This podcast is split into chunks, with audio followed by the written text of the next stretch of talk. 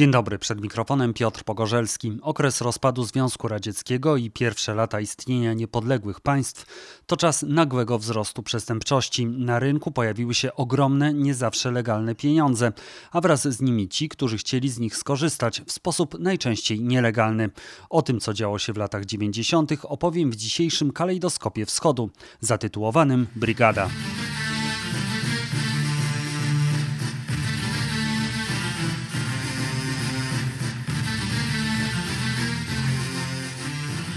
Brygada, czyli Brygada, to znany w całym byłym Związku Radzieckim serial telewizyjny, który pojawił się na szklanych ekranach w 2002 roku.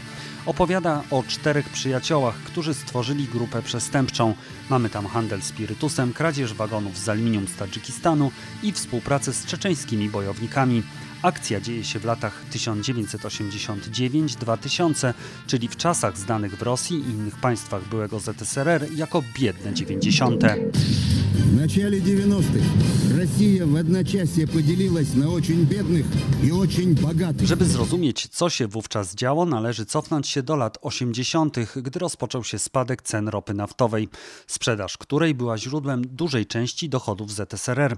Ogromne środki wydawano także na wyścig zbrojeń. Koszty generowała wojna w Afganistanie i inne interwencje, które miały nieść kaganek komunizmu w Azji czy w Afryce.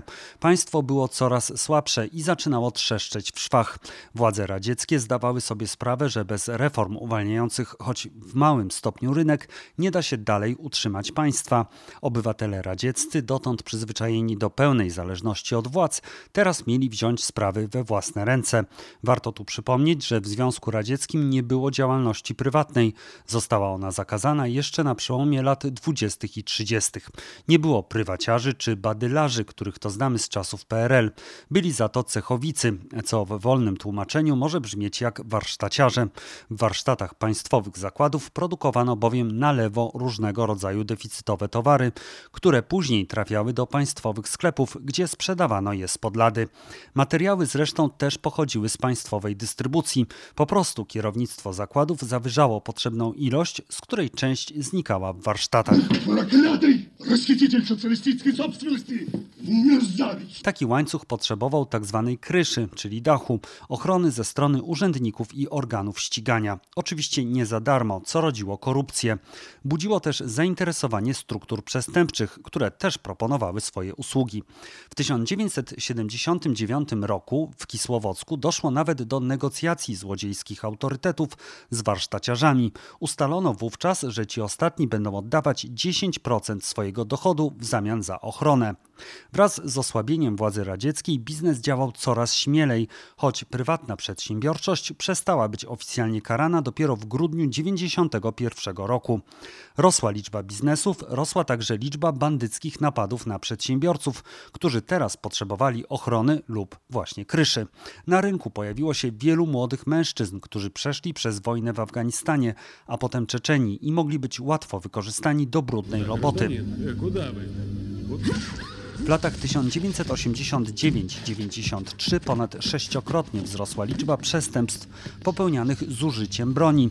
Ta najczęściej pochodziła z magazynów armii państw rozpadającego się wówczas Związku Radzieckiego. Rosła także ogólna liczba przestępstw. O ile w 1988 roku zanotowano ponad 1 867 tysięcy przestępstw, to w 1989 roku już 2 461 tysięcy, a rok później 2 786 tysięcy, czyli w ciągu dwóch lat ich liczba wzrosła o 900 tysięcy, to prawie milion.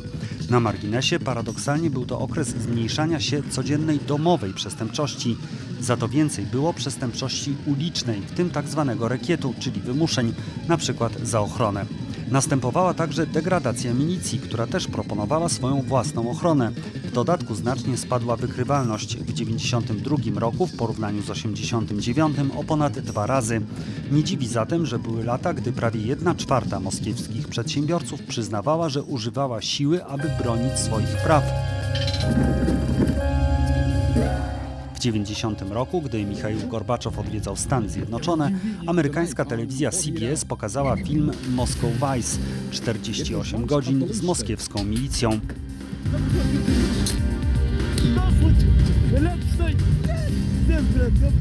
But now the police aren't always in control. Widzimy zatem wymuszających haracze od biznesmenów i zwykłych handlarzy, którzy z zapazuchy sprzedają piwo i wino.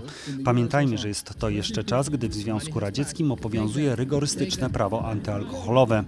Widzimy tych, którzy sprzedają narkotyki, brutalne zabójstwa i zwykłe domowe kłótnie, które przeradzają się w dramaty, do których dochodzi, gdy na kilkudziesięciu metrach kwadratowych mieszka kilka rodzin. Bohaterem jest też dziennikarz telewizyjny prowadzący niezwykle popularny program poświęcony zbrodniom, do których dochodzi w ówczesnym Leningradzie, obecnym Petersburgu. Brutalna rzeczywistość wydawała się szokująca nawet dla amerykańskich dziennikarzy, a przecież przyjechali oni z kraju, gdzie zabójstwa są na porządku dziennym.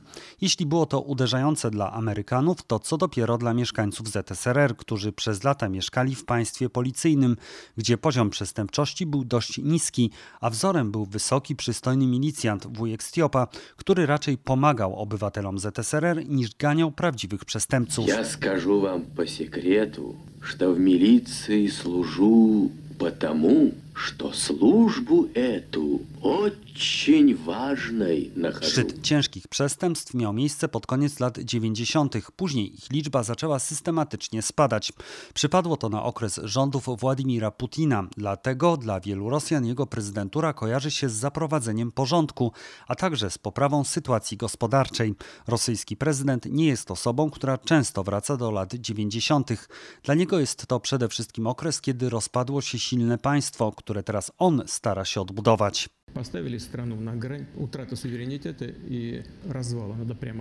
Warto podkreślić, że problemy gospodarcze, które pojawiły się na początku lat 90., wzrost przestępczości i ogólny chaos były i są wykorzystywane przez obecne władze na Kremlu do zniechęcania Rosjan do demokracji. Ma ona się kojarzyć właśnie z tym, co najgorsze jest tak zwaną diermokracją, a jego przeciwieństwem jest okres prezydentury Władimira Putina, gdy panuje stabilny system. Chętnie, a może nawet chętnie, chętniej, straszy latami 90. Aleksandr Łukaszenka.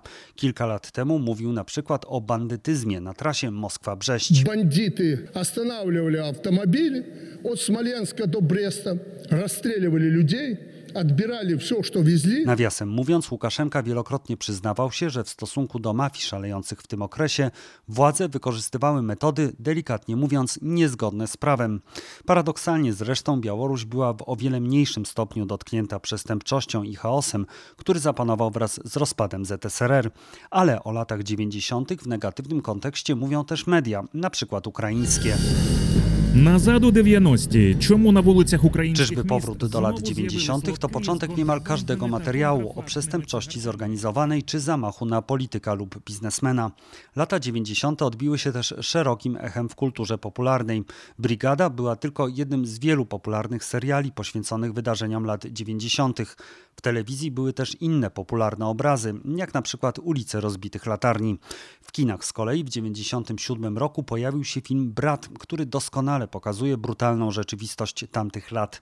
Jego bohater wraca z wojny w Czeczenii. W Petersburgu czekają na niego puste ulice pełne bandytów i walka o sprawiedliwość. Чечен освободился.